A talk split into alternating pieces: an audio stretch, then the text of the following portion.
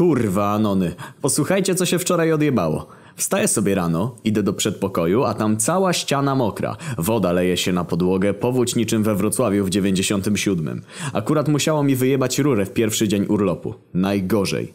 No ale dobra, wziąłem telefon i już miałem dzwonić do znajomego hydraulika, kiedy nagle usłyszałem walenie do drzwi. W sumie byłem wtedy na 100% pewien, że to pan Mieczysław z dołu przyszedł mnie opierdolić, że mu woda na głowę kapie. No to otwieram drzwi, a tam ani śladu pana Mietka, tylko jakiś dziwny typo w kombinezonie. Od razu rzucił do mnie, dzień dobry, hydraulik, po czym wpierdolił się do środka. Byłem bardzo zdezorientowany tą sytuacją, ale w sumie na szybko wykminiłem, że jednak pan Mieczysław mógł maczać w tym palce i pewnie sam wysłał do mnie speca. Już miałem zamykać drzwi, kiedy w progu stanął drugi, taki sam ziomek, do tego w takim samym kombinezonie i znowu mówi, dzień dobry, hydraulik. Teraz to już szczerze mówiąc byłem nieźle skołowany. Pytam go, "E, panie, jak to możliwe? Przecież przed chwilą pan tutaj stałeś. No co on tylko wybuchnął śmiechem, wytarł buty o wycieraczkę i wszedł do środka. Po kilkunastu sekundach całkowitego zaćmienia mózgu wszystko zrozumiałem.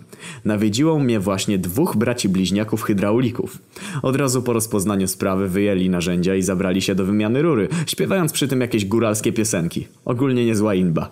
Jako, że nie mogłem znieść hałasu napierdalania w ścianę i tego zawodzenia, to poinformowałem ich, że wychodzę na zakupy i jeżeli skończą zanim przyjdę, to kasa leży na stoliku w dużym pokoju i nie muszą na mnie czekać. W sumie nie wiem, czy w ogóle zrozumieli, co do nich powiedziałem, zdali się być całkowicie pochłonięci pracą i tym śpiewaniem. No to wychodzę z bloku, wsiadam do samochodu i już miałem odpalać silnik, kiedy zorientowałem się, że nie mam przy sobie portfela.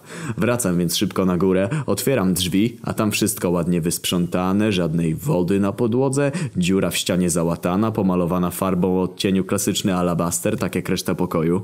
Po bliźniakach natomiast ani śladu. Kurwa, ale się jebani uwinęli, pomyślałem.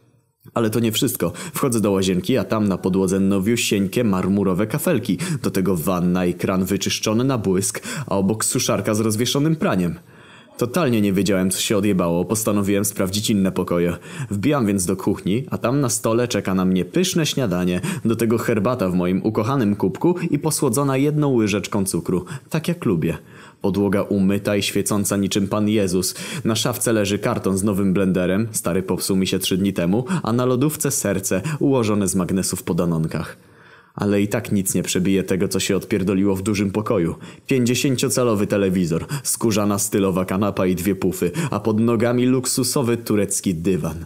Poczułem się niczym w programie Extreme Makeover Home Edition, tylko że zamiast jechać na tydzień do Disneylandu wystarczyło, że wyszedłem do samochodu na 3 minuty.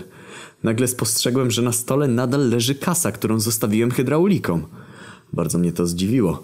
Odwalili taką robotę i nie wzięli ani grosza? Pomyślałem. No to podnoszę pieniądze, a tam pod nimi leży kartka z taką informacją. Bo najważniejsze w życiu to pomagać ludziom w potrzebie.